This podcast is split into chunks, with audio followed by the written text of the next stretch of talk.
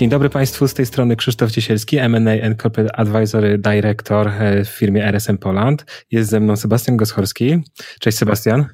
Cześć, witam serdecznie. Z tej strony Sebastian Goschorski, Business Development Partner, Head of China Desk. Tak, dzisiaj chcielibyśmy poruszyć temat e, chińskich inwestycji i tego, jak wygląda e, sytuacja w Chinach w okresie i po koronawirusie. Sebastian, według Ciebie, czy coś się zmieniło? Jak dzisiaj wygląda sytuacja w Chinach e, w związku z koronawirusem? No, sytuacja powiedzmy, że jest bardzo dynamiczna. E, pierwsza fala koronawirusa uderzyła e, parę miesięcy temu i tak de facto zakończyła się. Chiny ogłosiły wielki sukces, że tego wirusa już u nich nie ma, przy czym rozpoczęła się fala w Europie. Teraz mamy do czynienia z Chinach powiedzmy z drugą falą, ponieważ e, odnotowano kolejne przypadki zachorowań, e, szczególnie w Pekinie. E, być może skala nie jest zbyt duża, aczkolwiek jest jakby to kolejna fala, co powinno nam wszystkim uzmysłowić, a szczególnie firmom, którym wydaje się, że już najgorsze za nimi, że jednak tak naprawdę może, może mieć miejsce sytuacja, kiedy ten wirus uderzy ponownie. I w związku z tym no, byłoby bardzo dobrze przygotować się do tej sytuacji i trochę przemyśleć, y, co zrobić. A myślę, że tutaj istotną y, rzeczą jest to, że możemy spojrzeć na rynek chiński i możemy czerpać doświadczenia z tego rynku, ponieważ oni, y, ponieważ oni już tego doświadczyli, już to przeszli, podzielili się, jak to u nich wyglądało, jak się z tym czuli, jaki sposób firmy przetrwały. Więc myślę, że trzeba by było z tego doświadczenia skorzystać. Okej, okay, ale w takim razie jakie to są doświadczenia? Jakie to są te chińskie doświadczenia związane z koronawirusem, które mogłyby być, czy, czy, czy, czy są, czy mogą być za chwilę e, cenne dla polskich firm? Tego jest dosyć dużo, tak naprawdę, ponieważ no, y, tutaj y, rynek chiński pokazał, że y, tak naprawdę te problemy, które my doświadczamy teraz w Europie, oni już przeszli. One są bardzo podobne, bardzo zbliżone, szczególnie jeżeli mówimy o prywatnym, małym biznesie, ale również jeżeli mówimy o większych spółkach, y, spółkach Skarbu Państwa czy spółkach z dominującym udziałem Skarbu Państwa. E, I tu myślę, że e, warto by było z tego doświadczenia e, jak najbardziej skorzystać. Są to przede wszystkim doświadczenia związane z tym, w jaki sposób przygotować się, w jaki sposób organizować swoją pracę w czasie trwania pandemii oraz z tego, w jaki sposób zareagować, jeżeli już mamy do czynienia z sytuacją, że możemy z powrotem wrócić do pracy na pełnych obrotach. Okej. Okay. Wszyscy wiemy, że, że Chiny to, to państwo, to kraj, który jest bardzo wysoko rozwinięty, dysponuje, no, powiedzmy, bardzo rozwiniętą technologią. I tutaj pojawia się pytanie, jak technologia może wspomóc firmy, korzystając z przykładów właśnie e, firm chińskich, tu, tutaj w Polsce? Co, co możemy takiego wykorzystać? Jaką technologię z Chin? E, tak, no tutaj e, faktycznie Chiny, jeżeli chodzi o rozwój technologii, są bardzo mocno rozwinięte. E, bardzo dużo nowoczesnych technologii jest tam obecnie testowanych. Na przykład mamy do czynienia z sytuacją, gdzie w Europie rozmawia się o blockchainie, gdzie niektóre banki bądź też instytucje finansowe próbują to testować. Natomiast w Chinach y, te testy wyglądają w taki sposób, że umożliwia się korzystanie z tej technologii praktycznie całej prowincji, która ma kilka milionów mieszkańców, więc jakby jest to ciekawe. Y, jest to dosyć standardowa procedura, jeżeli chodzi o Chiny, gdzie testuje się w ograniczonym środowisku pewne technologie, e, aczkolwiek w dalszym ciągu te technologie e, są, są sprawdzane, a następnie przenoszone na poziom e, międzynarodowy. Ale tak, jeżeli mówimy o technologii, to myślę, że popatrzmy na mm, dwa aspekty, jeżeli chodzi o pandemię, o wychodzenie z tej pandemii. Pierwsze to tak, jeżeli chodzi o sprzedaż online, bo w związku z tym, że osoby, które do tej pory chodziły na zakupy, miały tą możliwość ograniczoną, musiały zacząć korzystać z zakupów online. W związku z tym pojawiły się takie ciekawe rzeczy, jak to, że osoby, które do tej pory zupełnie nie korzystały z internetu bądź w ograniczony sposób, e, nagle e, wyraziły duże zainteresowanie i zaczęły dosyć mocno korzystać. E, I tak na przykład w Chinach sprzedaż online poza dużymi miastami wzrosła ponad, wzrosła ponad dwa razy szybciej niż w dużych miastach.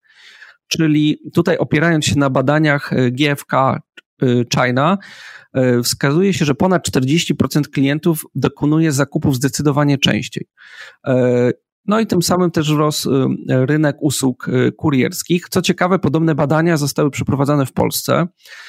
Są to badania e-commerce w czasie kryzysu 2020, przeprowadzone przez Izbę Gospodarki Elektronicznej i pokazała te badania, że faktycznie bardzo mocno wzrosły zakupy online, szczególnie w takich branżach jak y, y, suplementy, jak leki bez recepty, jak wszelkiego typu y, zakupy do domu, czy też zakupy pożywienia dla zwierząt.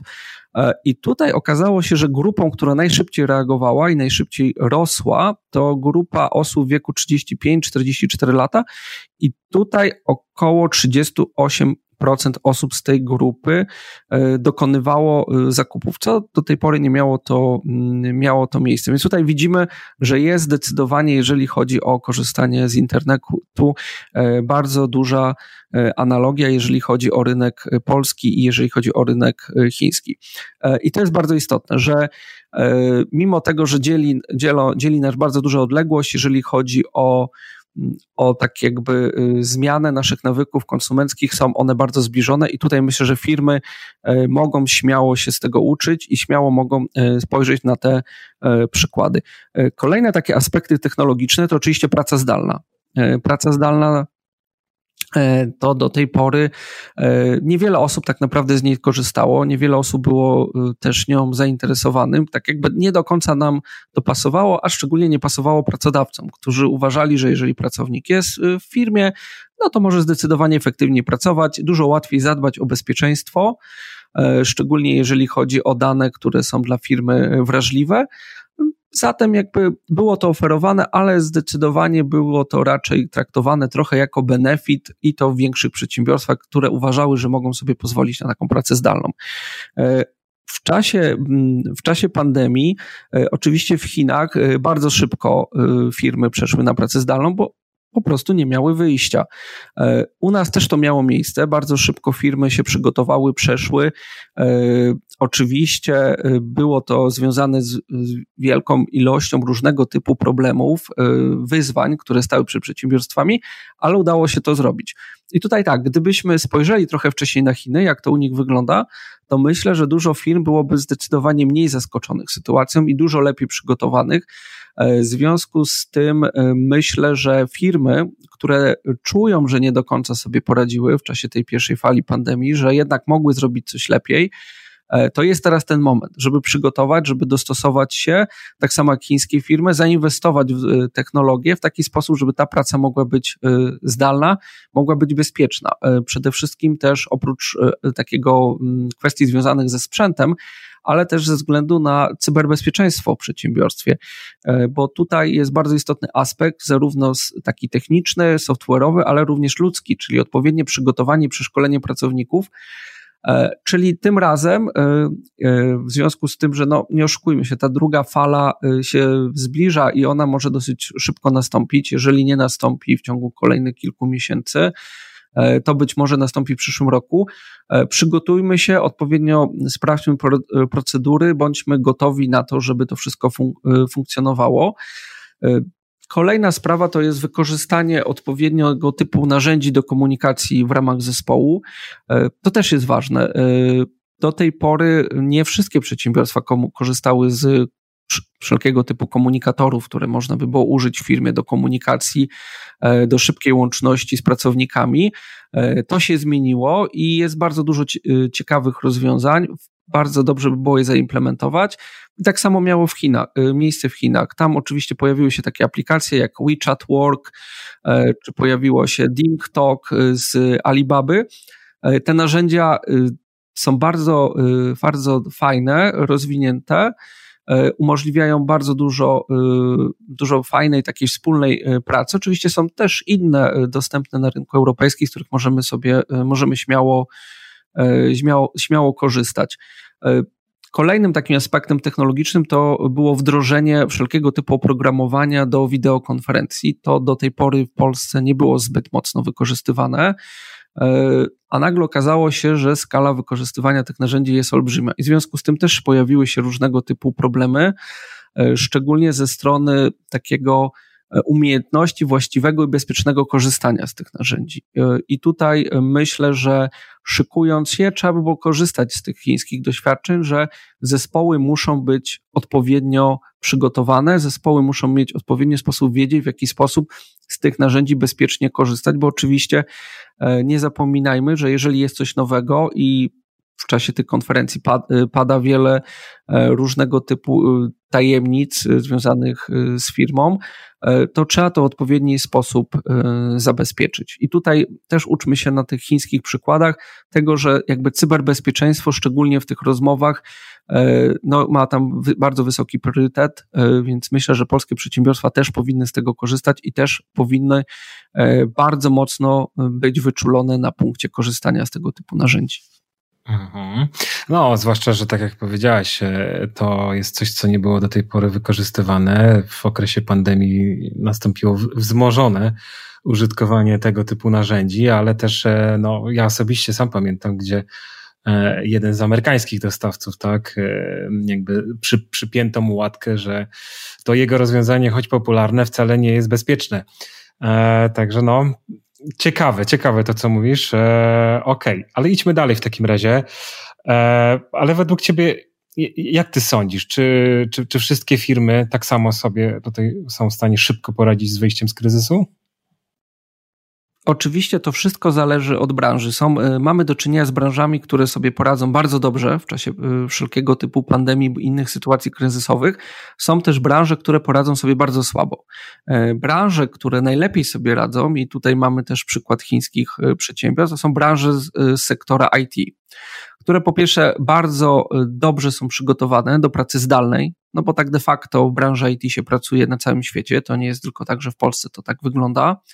E, są też branże, które tworzą wszelkiego typu e, rzeczy związane z e-commerce, czyli, e, czyli na przykład sklepy internetowe, bo tutaj należy pamiętać, że bardzo dużo sklepów internetowych powstało właśnie teraz, kiedy okazało się, że to jest często właściwie jedyny kanał, jedyny kanał sprzedaży, który dane przedsiębiorstwo ma. E, I tu te branże poradzą sobie bardzo dobrze, wręcz bym powiedział, że świetnie. E, są, są przygotowane. Często też są to firmy, które są odpowiednio zabezpieczone od strony kapitałowej, e, ze względu na to, że zawsze szykują się na takie sytuacje, że być może dany projekt się skończy trochę wcześniej niż przewidziały, bądź może się nie pojawić nowy projekt i muszą te zasoby finansowe muszą te zasoby finansowe mieć. E, I te branże y, są dobrze przygotowane zarówno i w Chinach, jak i w Polsce. E, w Chinach zanotowano na przykład też, że bardzo dobrze poradziły sobie takie branże jak y, oprócz oczywiście IT, tworzenia oprogramowania, ale też branże związane z usługami medycznymi. E, co jest bardzo ciekawe, ponieważ no jakby branża medycznie głównie kojarzy nam się z wizytą u lekarza i te wizyty no z racji wszelkiego typu obostrzeń były bardzo mało y, możliwe, były utrudnione. Okazało się, że jednak usługi związane z telemedycyną, bardzo mocno w Chinach y, poszybowały. E, bardzo dużo osób korzystało ze wszelkiego typu porad. Y, być może nie takich porad e, porad, że tak powiem, e, związanych z bardziej skomplikowanymi przypadkami, ale takich szybkich, typu ok, mam takie i takie objawy, czy na przykład nie powinienem udać się do lekarza, czy nie powinienem na przykład pójść na jakieś badanie. Więc te usługi medyczne dosyć mocno wystartowały i myślę, że w czasie kolejnych e, gdyby nastąpiły kolejne fale, to myślę, że one znowuż będą, e, znowuż będą na topie.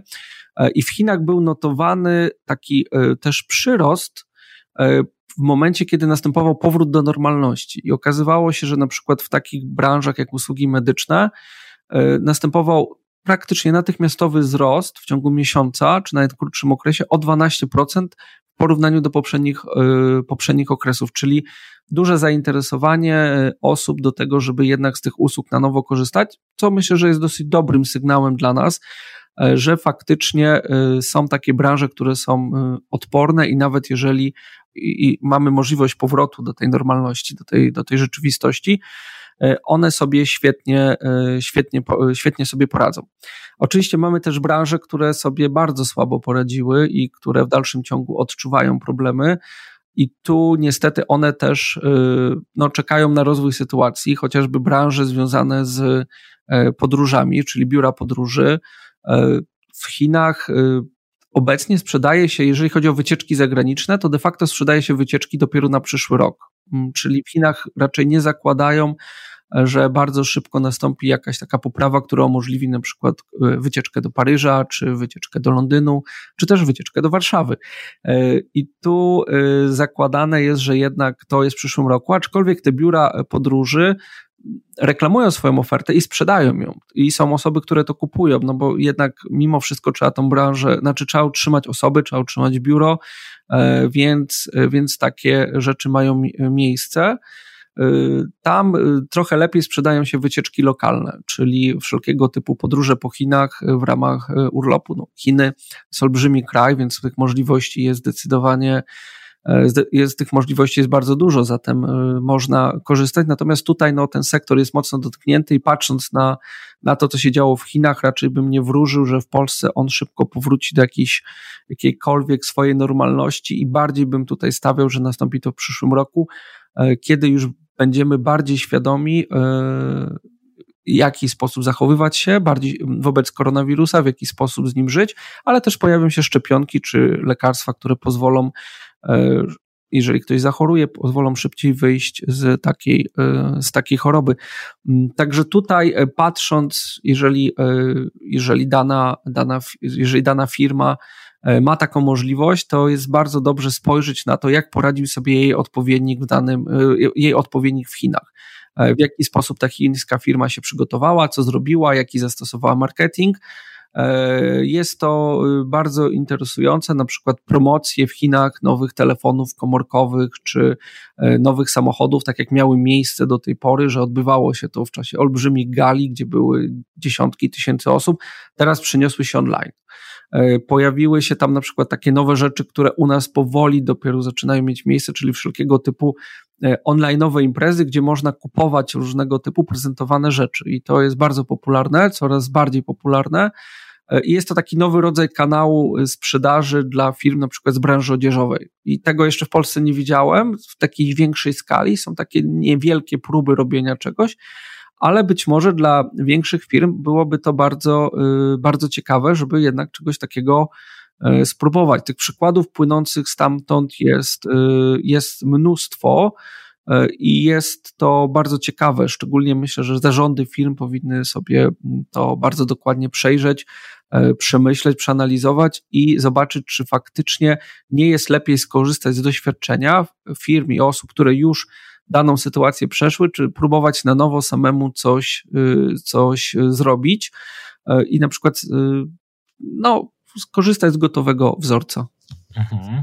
Okej. Okay. Sebastian, no ja wiem, ty wiesz, że, że, masz bardzo dużo do czynienia tutaj z biznesem chińskim, e, w tym między innymi z firmami rodzinnymi i tak naprawdę chciałbym ciebie zapytać, patrząc na to wszystko, co do tej pory powiedziałeś, patrząc na sytuację, którą mamy na rynku, e, Czego możemy nauczyć się od chińskich firm rodzinnych w związku z koronawirusem? Myślę, że zacznijmy tutaj przede wszystkim od tego, że firmy rodzinne w Chinach E, tak naprawdę mają dość zbliżony profil do firm rodzinnych e, w Polsce. E, I zarówno w Chinach, jak i w Polsce, kiedy prowadzone są badania dotyczące tego, a w jaki sposób i jak długo jesteś w stanie przetrwać, gdy na przykład nie możesz prowadzić swojej podstawowej działalności, na jaki długi czas starczy ci gotówki, to praktycznie we wszystkich, praktycznie w przypadku zarówno Polski, jak i Chin, około 80% biznesów wyczerpuje zapasy gotówki w ciągu pierwszych trzech miesięcy. E, także zarówno i polskie, i chińskie firmy są w bardzo podobnej sytuacji, jeżeli chodzi o zasoby finansowe e, i możliwości e, długoterminowego przeczekiwania wszelkiego typu pandemii, bądź też innych takich no, niekorzystnych dla nich scenariuszy, które mają miejsce. I tutaj myślę, że bardzo istotne jest y, spojrzenie na te chińskie firmy, jak one sobie poradziły, co zrobiły. Oczywiście w obu przypadkach y, mieliśmy do czynienia z pomocą ze strony rządu, zarówno jak i w Polsce, jak i w Chinach. Strona rządowa starała się takie biznesy wesprzeć, najbardziej jak to jest możliwe, ponieważ no, one są istotną częścią gospodarki, istotną częścią tworzenia, tworzenia naszego produktu krajowego brutto. E, I tutaj myślę, że warto by było popatrzeć na takie elementy, które tam były bardzo widoczne i o których bardzo mocno dyskutowano, to przede wszystkim jest wymyślenie bądź też zaktualizowanie planu dotyczącego sukcesji. Planu, kto w przypadku, gdyby na przykład osoba zarządzająca firmą, czyli senior rodu zachorował, mm, co w przypadku, gdyby osoby kluczowe dla przedsiębiorstwa na przykład stwierdziły, że już nie chcą dalej pracować, y, w jaki sposób odbędzie się sukcesja, w jaki sposób odbędzie się to w sposób y, bezpieczny i w Chinach było dosyć sporo rozmów na ten temat, y, co w takich przypadkach należy zrobić i myślę, że w polskie firmy też powinny tutaj bardzo mocno się nad tym tematem zastanowić, w jaki sposób na to odpowiedzieć. Kolejną kwestią, o której będziemy jeszcze dzisiaj rozmawiać, to jest tak jakby sprawdzenie tego, czy faktycznie ten cały biznes, który jest, E, jest nam potrzebny. Czyli co jest jego częścią taką korową, która powinna zostać, a co ewentualnie można sprzedać. I czy ewentualnie na przykład nie trzeba e, połączyć się z większym, e, z większym podmiotem, czy na przykład nie postawić na ekspansję międzynarodową, bo tutaj bardzo taka ciekawa rzecz wyszła i Chińczycy myślę, że bardzo mocno to dostrzegli. I to widzimy na przykładzie ilości zapytań, które my dostajemy jako firma, że y, no jednak ta dywersyfikacja geograficzna jest istotna. Jednak jest bardzo istotne, że jeżeli jest się na przykład poddostawcą dla dużej firmy, e, to żeby jednak mieć jakiś plan, y, plan B na wypadek, gdyby w danej lokalizacji, czy na przykład w Chinach, nie można było prowadzić produkcji, a w dalszym ciągu, y, a w dalszym ciągu trzeba dostarczać zgodnie z umową na przykład jakieś produkty czy półprodukty do produkcji mm, samochodów, czy do produkcji innego typu rzeczy. Więc tutaj to się zrobił taki bardzo istotny i gorący temat w Chinach. Jest bardzo dużo rozmów na ten temat i ta dywersyfikacja geograficzna no, jest takim jakby już y, istotnym elementem. I tu mm, tak powiem szczerze, upatruję duże, y, duże możliwości, szczególnie dla Polski, ponieważ E, no, siłą rzeczy i ze względu na sytuację taką geopolityczną, Chiny bardzo mocno patrzą na Europę i możliwości tego, w jaki sposób tu mogą zainwestować i zarówno jakby możliwości inwestycji, włączenie sił z jakimś polskim przedsiębiorstwem, ale też tworzenie takich inwestycji od zera, inwestycji greenfieldowych ale myślę, że Krzysztofie to chyba jest temat y, dla ciebie tak. najbardziej. Więc tak, do tego jeszcze wrócimy, e, ale jakby pociągnijmy jeszcze wątek koronawirusa, pociągnijmy wątek e, firm chińskich e, i tego, co może się wydarzyć za chwilę, bo wszyscy chyba wiedzą, bo to nie jest tajemnica, bo o tym się mówi w, w szeroko pojętych mediach, że będzie prawdopodobnie druga fala wirusa. I ona będzie zarówno pewnie w Polsce, w Europie, to, ale przede wszystkim też w Chinach. No pamiętajmy, że tak naprawdę zgodnie z przekazem, który jest nam dostarczany, to, to Chiny są tym miejscem, skąd e, koronawirus, że tak powiem, wyszedł, pojawił się e, i ta druga fala prawdopodobnie tam też się, się pojawi. I teraz jeśli mógłbyś powiedzieć, mm, jakie wnioski tutaj płyną z, z chińskich firm w związku z tą drugą falą, bo tam, tam powiedzmy, że to, no chociażby po, po, po tym, co powiedziałeś, tam, tam już jakby to ma miejsce, tak? I teraz jest pytanie, y, jakie wnioski z tego płyną dla nas tutaj, dla, dla polskich przedsiębiorców? Główny wniosek, który płynie z y, tej obecnej sytuacji, z tego, że pojawia się no de facto w Chinach można powiedzieć, że ta druga fala praktycznie się pojawiła na ograniczoną skalę, ale pojawiła się. Że firmy, które najlepiej się przygot- najle- najlepiej ją znoszą, to są firmy, które odpowiednio się przygotowały. I tak samo jak miało to do czynienia z pierwszą falą, kiedy osoby czy firmy, które się przygotowały, super poradziły sobie z, z powrotem do, do normalności, bardzo szybko uruchomiły produkcję w pełnym zakresie, bądź też szybko powróciły do sprzedaży to tutaj to są te firmy, które się przygotowały. I myślę, że tutaj w czasie tej drugiej fali też firmy, które się przygotowały. Z drugiej strony bardzo istotne jest też jakby te firmy, które wykazały się taką e, spokojem, czyli firmy, które e, nie wykazały takich aspektów paniki, e, poradziły sobie genialnie i tutaj przede wszystkim przykład płynie z firm e, sprzedażowych, gdzie w momencie pojawienia się tej pierwszej fali bardzo często takim klasycznym zachowaniem było zwolnienie dużej ilości osób, czyli przede wszystkim sprzedawców, no bo jakby nie będzie komu sprzedawać, to po co nam ci sprzedawcy?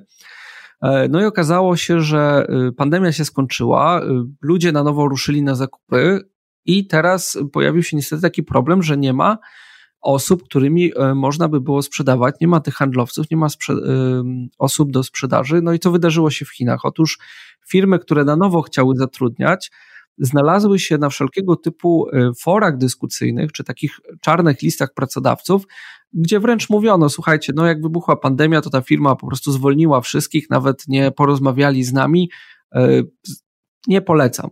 E, I tu okazało się, że bardzo dużo osób no jak przeczytało to i stwierdziło, że faktycznie no nie chcę pracować w takiej firmie, jednak chcę pracować w firmie, gdzie jest dobra komunikacja i gdzie firma jest w stanie wspólnie ze mną chwilę przeczekać, aż się sytuacja, y, sytuacja uspokoi. I tu myślę, że to jest taki bardzo ważny wniosek, że ten spokój jest taki bardzo istotny. Spokój, przemyślenie sytuacji e, i niewykonywanie pochopnych ruchów.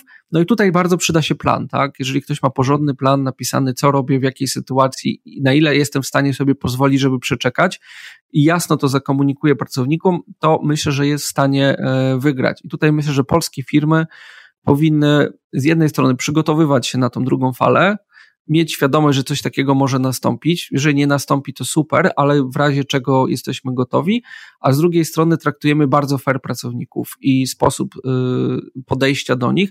No i jeżeli jest sytuacja, kiedy musimy obciąć pensję bądź też zwolnić, to jasno komunikujemy, dlaczego akurat na takie działanie się zdecydowaliśmy. To myślę, że to są te dwie podstawowe rzeczy, które są istotne.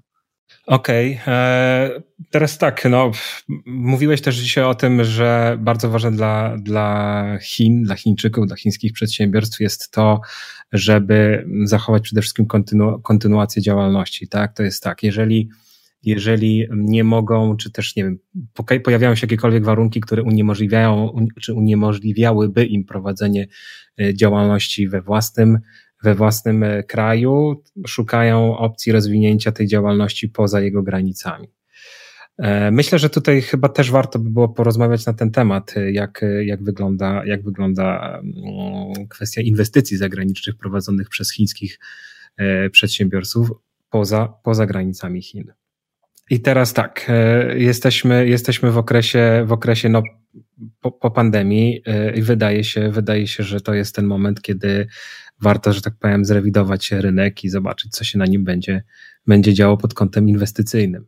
To jeśli pozwolisz, to chciałbym nawiązać właśnie jeszcze raz do tego tematu związanego z tą dywersyfikacją geograficzną, ponieważ no tutaj rynek chiński e, wręcz jest zachęcany przez e, rząd do tego, żeby przyjrzał się, e, jakie są możliwości inwestycyjne, gdzie można zainwestować, w jaki sposób można też dywersyfikować pod względem geograficznym swoją produkcję, nie tylko ze względu na e, na przykład na klientów, ale też ze względu na to, na pewne bezpieczeństwo związane z, z tym wszystkim, e, co się dzieje. E, I powiedz mi teraz, Krzysztofie, tak, tak z Twojego punktu widzenia, jeżeli pojawi się chiński inwestor, czy pojawi się na przykład jakaś firma z która by chciała zainwestować e, w Europie, na przykład e, firma rodzinna, która e, ma bardzo szeroki wachlarz firm w swoim portfolio, chciałaby dokonać takiej inwestycji, to powiedz mi, jakie branże potencjalnie mogą być ciekawe dla takiego inwestora? Jasne. Mm, to znaczy tak, Powiem tak, no Chińczycy są znani z tego, że przede wszystkim to, co ich interesuje, to ja tak, jak, to, tak jak ja to mówię, to są grube tematy. Do tych grubych tematów najczęściej zaliczamy oczywiście infrastrukturalne yy, i, i tym podobne, tak? Więc wszystko to, co jest, e, że tak powiem, duże, o dużej wartości dla inwestorów z, z Chin, wydaje się, że, że jest po prostu interesujące, zwłaszcza jeżeli to są e, inwestycje oparte przede wszystkim na aktywach. Czy tak jest w rzeczywistości, czy, czy, czy, czy jednak sytuacja wygląda trochę inaczej? Też zaraz o tym słów kilka powiem, bo mm, to jest ciekawy wątek. Jeżeli przyjrzeć się jeżeli przyjrzeć się inwestycjom, które rzeczywiście miały miejsce tutaj w Polsce w kilku ostatnich latach, to ten obrazek wygląda trochę inaczej niż można byłoby się spodziewać, że rzeczywiście jest. Du, dużo, dużo nie, nie trzeba mówić. E, w latach 2016-17 tak chińskie firmy wydawały mniej więcej po około 100 miliardów dolarów rocznie na przejęcia i budowanie biznesu w Europie i Ameryce Północnej. E, I to było takie trochę niepokojące, tak? Tam było bardzo duże, był bardzo duży, wręcz nawet skokowy, bym powiedział, wzrost, e, wzrost inwestycji. Tego się bardzo, bardzo obawiano. I teraz jak spojrzeć na to z, ze strony mm, jakby sytuacji obecnej, no to mamy istotny spadek. I to jest bardzo ciekawe, bo wydaje się, że, że jednak e, Chińczycy szukają i przejmują, inwestują. E, zaraz powiem też o, oczywiście o obostrzeniach prawnych, które w związku z, tą, z, tą, e, z, tą, z tym strachem się pojawiły, a tymczasem okazuje się, że nic takiego, czego się bano przynajmniej do tej pory, nie miało miejsca. E, bo w 2019 roku ta ofensywa inwestycyjna, taka chińska, ona mocno wyhamowała i tak jak mówiłem przed chwilą, 100 miliardów dolarów w latach 2016-17 inwestycji europejskich i w Ameryce Północnej, tak w 2019 roku to było zaledwie 20 miliardów dolarów. Ja wiem, to jest nadal dużo, ale spójrzmy, jaka jest różnica, tak? No to, jest, to jest istotny, istotny mm, e, spadek. I teraz trzeba było się chwilę zastanowić, dlaczego się tak wydarzyło. Kto tak naprawdę to zatrzymał? E, I to jest też ciekawe, bo mm, tak naprawdę, jeżeli by się mm, przyglądać dokładnie sytuacji z lat 2016-17, to jakby urosła, e, urosła taka, taka wizja, że Chińczycy, chiński inwestor przejmie właściwie wszystko, wszystko. I to miało swoje, i to miało swoje jakieś powiedzmy powody, e, ale można by było powiedzieć, można powiedzieć, że tak naprawdę to była, to była pewnego rodzaju anomalia, bo to naprawdę były bardzo duże inwestycje w tych latach 16-17, a natomiast teraz, patrząc tak naprawdę z perspektywy ostatnich 10 lat, to poziom inwestycji chińskich e, w Europie czy w Ameryce Północnej w zasadzie wrócił do, do normalności. No tak mniej więcej na, na poziomie 20 miliardów dolarów rocznie e, wcześniej ten, ten poziom inwestycji się, że tak powiem, mm, e, gdzieś tam lokował. Mm, I teraz tak, co, co tak naprawdę spowodowało, co tak naprawdę spowodowało tak, że, ta, że te inwestycje, że tak powiem, wróciły do normalności? Tak naprawdę to mamy kilka, kilka elementów, bo z jednej strony chiński rząd e, w tamtym czasie, mówię o latach 16-17, bardzo mocno zachęcał do tego, tak jak ty mówiłeś, do tego, żeby inwestycy, e, e, chińscy inwestorzy inwestowali poza krajem, ale w pewnym momencie pewnym momencie zaczęto się jednak ze strony rządu oczywiście przyglądać temu, co, co że tak powiem, się dzieje poza krajem, w co, w co inwestorzy inwestują. E, można było przecież w tamtym okresie zauważyć takie przedziwne sytuacje, gdzie wydawało się, że inwestor z Chin w zasadzie jest w stanie kupić wszystko, nawet po zawyżonej cenie. To miało oczywiście swoje uzasadnienie, bo inwestorów generalnie interesowało, no brzydko mówiąc, trochę wyniesienie kapitału poza Chiny. I to jest jeden z powodów, który tak naprawdę spowodował, że e, te inwestycje chińskie mocno zostały ograniczone. To jest tak, że po prostu władze, władze e, Chin zaczęły się temu przyglądać i w pewnym momencie stwierdziły, no nie, tak nie może być. W związku z czym e, nastąpiło wewnętrzne, że tak powiem, wyhamowanie tej fali, fali przejęć. Co więcej, E, jak ktoś obserwuje sytuację na rynku międzynarodowym, no to, no to widzi wyraźnie, tak, że w ostatnich latach mamy do czynienia tak naprawdę z bardzo dużym e, nasileniem tutaj, że tak powiem, mm, napięcia pomiędzy dwiema, dwoma w zasadzie mocarstwami największymi na świecie, to jest Ameryka i właśnie Chiny, czyli USA i Chiny to też jakby wpływa na to, że e, strona chińska ogranicza swoje inwestycje, e, e, chociażby właśnie w Stanach, tak? No, jakby rykoszetem dostaje się Europie, gdzie jak wiemy, Amerykanie mają również swoich inwestycji bardzo dużo po, po, po, porobionych. Mało tego, ostatnio dosyć głośny temat Hongkongu, tak? Gdzie, e, gdzie też e, to przyczyniło się w bardzo dużym stopniu mm, do takiej narracji właśnie mm, sprowadzającej się powiedzmy do tego, żeby, żeby no, no może inaczej, narracji, która negatywnie wpływa na ten kapitał kapitał chiński. Z drugiej strony, że tak powiem, no, w, w ostatnim czasie, chociażby w Polsce, no, jesteśmy we, w, na etapie kryzysu, mamy pandemię, pojawiają się też niekorzystne przepisy. Ja powiem tak, osobiście trochę do końca tego nie rozumiem, dlatego że, tak jak powiedziałem, przeglądając statystyki, widać, że poziom inwestycji ze strony chińskiej na pewno nie wzrasta, wręcz odwrotnie, on się kurczy, e, ale tak jak powiedziałem, można to uznać za, pewną, za pewien, pewien poziom normalności. Tymczasem e, pojawiają się ze strony, ze strony e, rządu przepisy, które, że tak powiem, jeszcze jeszcze bardziej to ograniczają. I to jest coś, czego ja do końca nie, nie rozumiem, bo tak jak mówię, no, gdyby to było coś naprawdę naprawdę dużego, że rzeczywiście inwestorzy z Chin wykupują Polskę, że tak powiem, od zachodu po wschód, to może i tak, może i miałoby to jakieś uzasadnienie, ale patrząc na sytuację e, dzisiejszą i to, jak, jak strona chińska postępuje, że tak powiem, w inwestycjach zagranicznych, to trochę tego nie rozumiem. Natomiast e, wracając do, do, do branż, to rzeczywiście, tak jak powiedziałem, przede wszystkim Chiny, inwestorzy chińscy są zainteresowani tutaj infrastrukturą. To jest coś, co przede wszystkim ich interesuje, ale to jest coś, czego patrząc po statystykach, nie robią. Ostatnio tego nie robią. E, to jest tak, że chociażby w 2019 roku e, dominowały nie branże infrastrukturalne, ale tak naprawdę dobra i usługi konsumpcyjne.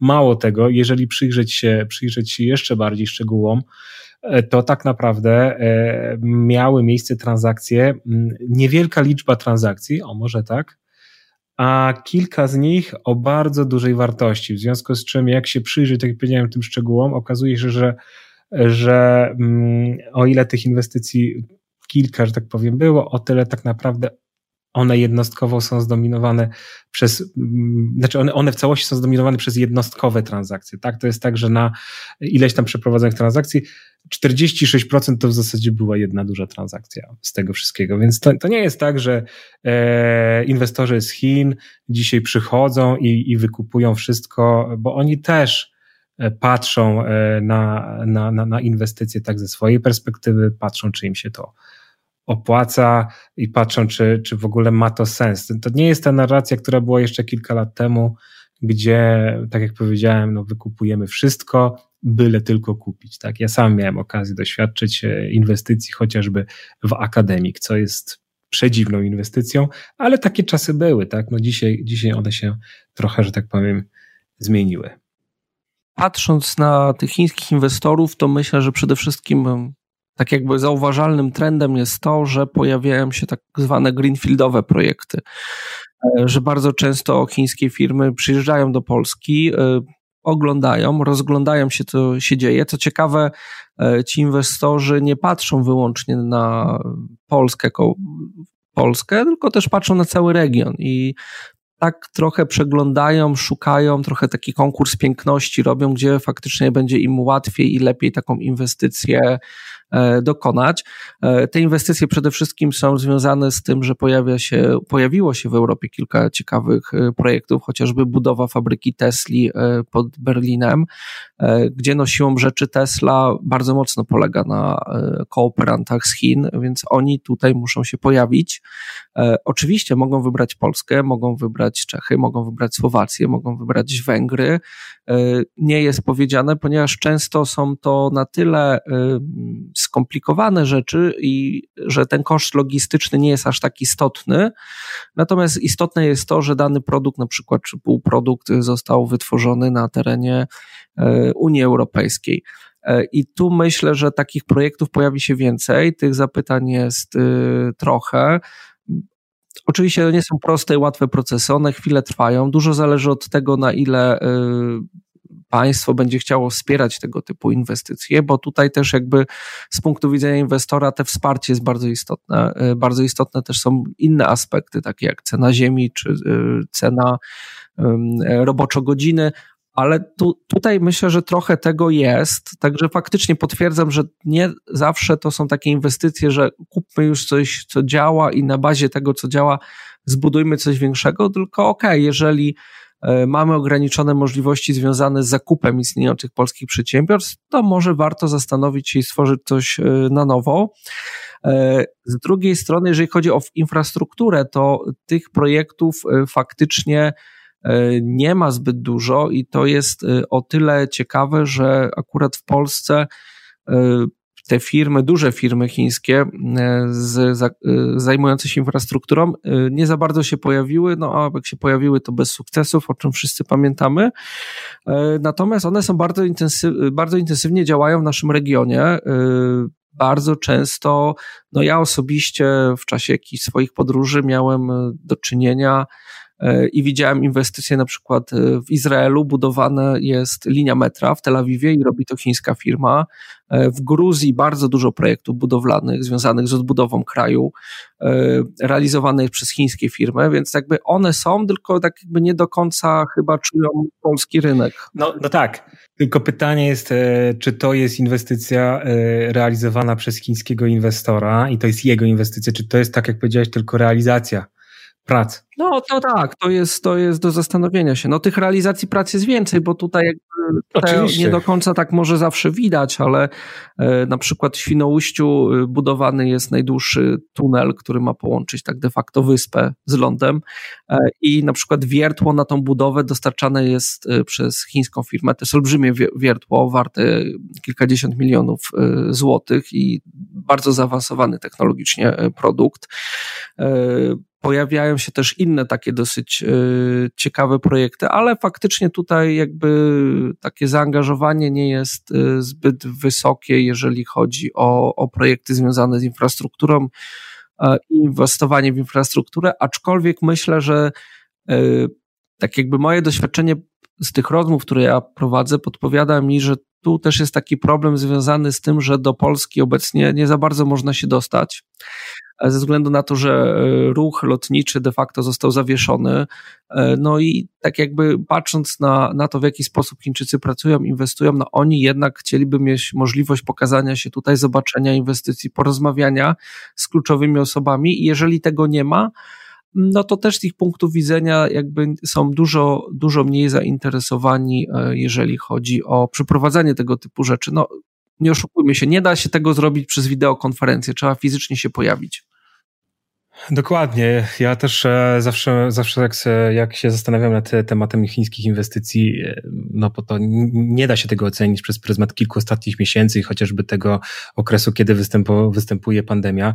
I zastanawiam się zazwyczaj, czy, czy rzeczywiście to jest tak, że ta fala tych chińskich inwestycji do Polski już dotarła. I powiem tak wprost, no, patrząc na statystyki, E, z tych właśnie ostatnich 10 lat, e, o których już wspominałem, wstecz, e, to wydaje się, że nie. Tak naprawdę, tak naprawdę, i dlatego też mówiłem o tych przepisach, które się teraz pojawiają, blokujących dodatkowo, że tak powiem, do tej możliwości inwestycyjnej ze strony inwestorów spoza w zasadzie Europejskiego Obszaru Gospodarczego. Zastanawiam się właśnie, czy, czy, czy to jest tak, że, że inwestor z Chin już wykupuje Polskę. I tak jak patrzę na statystyki, to wydaje się, że nie. E, co tu dużo mówić? No w 2019 roku, według e, danych, że tak powiem, oficjalnych, między innymi Rodium Group, e, wychodzi na to, że Chińczycy w Polsce zainwestowali tak naprawdę około 30 milionów dolarów to jest dużo, czy to jest mało?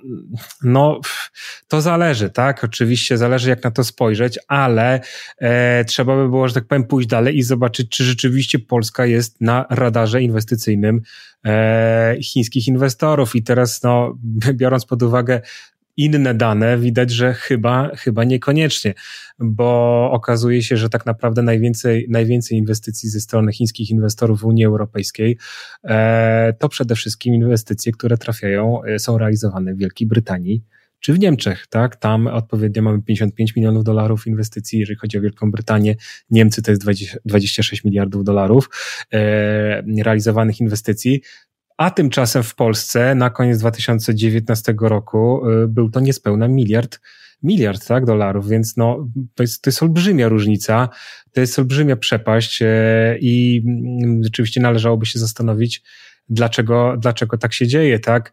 No, ale, ale tak jak powiedziałem, no ja, ja, ja nie czuję powiem wprost, ja, ja osobiście nie czuję, żeby Polska była wyprzedawana, tak, e, e, że tak powiem, na, na, przez chiński, przez chiński kapitał.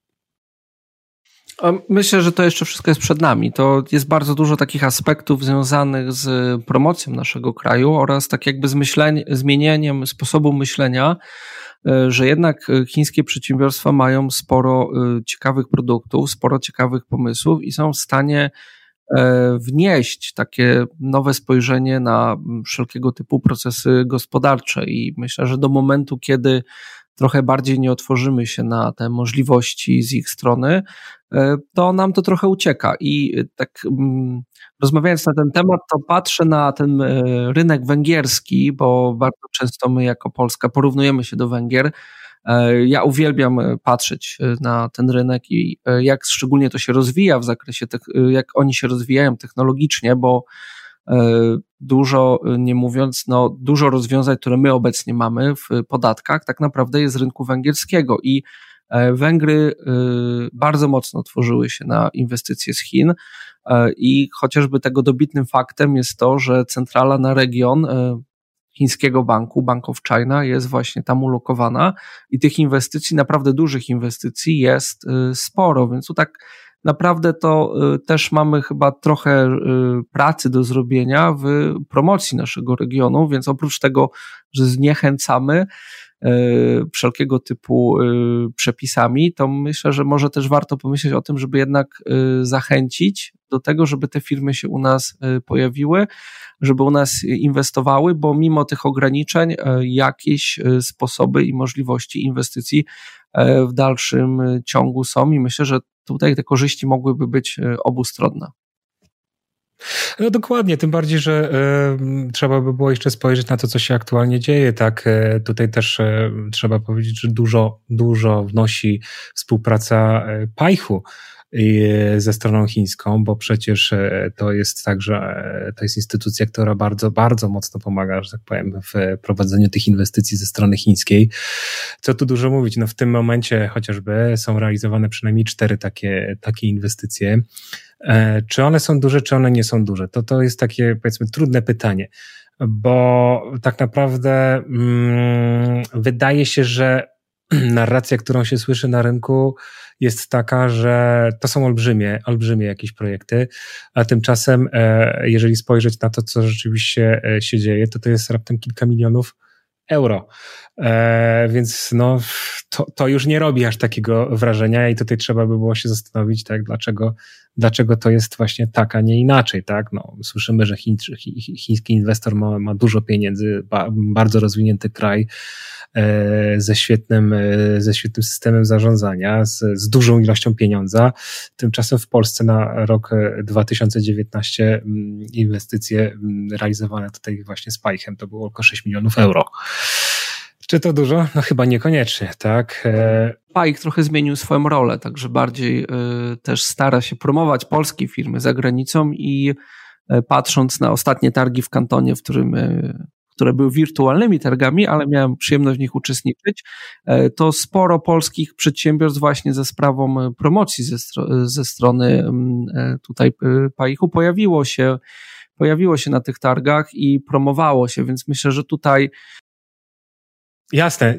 Nie, nie, to, to jest oczywiste, tak, e, bo rzeczywiście, chociażby to, te informacje, które ja mam, one mówią o tym wprost, że e, i wartość inwestycji w ogóle, która jest jakby gdzieś tam rozpatrywana, powiedzmy mamy to na świeczniku, jest o wiele, wiele wyższa, tak, to jest około 2,2 miliarda euro, to jest bardzo dużo, ale zobaczmy, ile rzeczywiście się zrealizowało, tak, no to są, to są naprawdę niewielkie, niewielkie kwoty, tak, w stosunku do tego, co jest, e, że tak powiem, planowane, czy też powiedzmy gdzieś tam zaczęte, tak.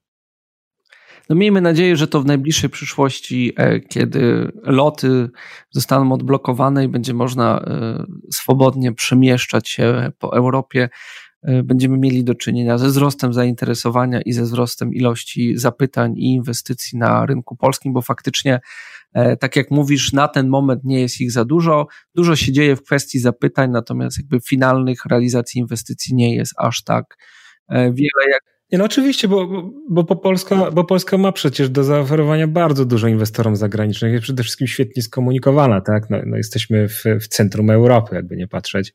E, I gwarantuje tak dostęp do, do, do rynku unijnego. E, I co tu dużo mówić, no jest w miarę, w miarę, że tak powiem, relatywnym, ta, relatywnie tanim krajem pod kątem e, no, siły, tak, roboczej, a jednocześnie wykształconej kadry. No, atutów mamy bardzo dużo i trzeba było się tylko zastanowić, zastanowić, dlaczego tak naprawdę ten chiński kapitał do tej pory omijał tak e, Polskę. I tutaj moim zdaniem no wydaje się, że brakuje nam, e, brakuje nam tych, e, tych rzeczy, których rzeczywiście chiński inwestor przede wszystkim do tej pory szukał, mianowicie znanych marek, tak, które, które są pożądane, e, czy zaawansowanych technologii, no ale, ale mamy, że tak powiem, duży potencjał w narodzie, startupów nam przybywa bardzo, dużo rozwiniętych technologii również, więc ja uważam, że wszystko jest na dobrej drodze. Reasumując nasze dzisiejsze e, spotkanie, naszą dzisiejszą rozmowie, e, rozmowę, e, myślę, że należy tak zaznaczyć kilka punktów. Przede wszystkim możemy bardzo dużo nauczyć się od naszych chińs, chińskiego partnera. Chiny mają sporo do zaoferowania, sporo rzeczy już przerobiły u siebie i po co doświadczać i testować na sobie, skoro to już zostało przetestowane, skoro dobre metody wyjścia z sytuacji kryzysowych, sytuacji po pandemii zostały już przetestowane, to po prostu skorzystajmy z nich. E, druga sprawa, spojrzmy na to, że rynek chiński, mimo tego, co nam się wydaje i takiej trochę obiegowej e, opinii, że no to jest taki kraj, który nie jest taki zbytnio technologicznie rozwinięty, to jednak wygląda to zupełnie inaczej. E, Chiny są bardzo mocno rozwinięte, bardzo dużo rzeczy, o których się u nas dopiero mówi, czy rozwiązania chmurowe, e, czy rozwiązania dotyczące blockchaina, czy sztucznej inteligencji, tak naprawdę w Chinach już funkcjonują. E, to są liderzy, jeżeli chodzi o ten rozwój, szczególnie na przykład w sztucznej inteligencji, gdzie obok Stanów Zjednoczonych jest to rynek numer dwa, jeżeli chodzi o ilość projektów, szczególnie badawczych, które są realizowane na terenie tego, tego kraju. E, także patrzmy na to, uważnie przyglądajmy się, bo myślę, że sporo można się nauczyć. Jeżeli chodzi o e, formy sprzedaży czy formy dotarcia do klientów, też sporo rzeczy można tam zobaczyć. E, można dużo tych rozwiązań, które tam są stosowane, przenieść na polski rynek. Trzeba mieć tylko trochę odwagi, żeby spróbować i zobaczyć, na ile nasz rynek jest już gotowy na to, żeby te rzeczy zostały u nas wprowadzone. Kolejna sprawa, pamiętajmy, że z każdego kryzysu można wyjść, jak się tylko odpowiednio do niego y, przygotuje. Natomiast y, jeżeli chodzi o y, chińskie inwestycje w Polsce, to mimo tego, że mamy taką trochę sytuację, że dużo się o tym mówi, ale aż tak dużo tych projektów nie ma, to obecnie wygląda na to, że w związku z tą sytuacją też geopolityczną e, ze Stanami Zjednoczonymi, rynek europejski jest coraz bardziej e, obserwowany i myślę, że tych inwestycji pojawi się e, coraz więcej, szczególnie patrząc na ilość rozmów, czy na ilość projektów, które są zgłaszane które są dyskutowane pod względem umiejscowienia ich na rynku polskim. Także myślę, że tutaj jest y, sporo. E, zresztą my jako firma mamy y, China Desk, który, z, który takie działania wspiera e, i obserwujemy, że dosyć sporo się dzieje. Także myślę, e, że jest tutaj sporo optymizmu, aczkolwiek no, musimy jeszcze chwilę poczekać, żeby to wszystko się u nas zmaterializowało.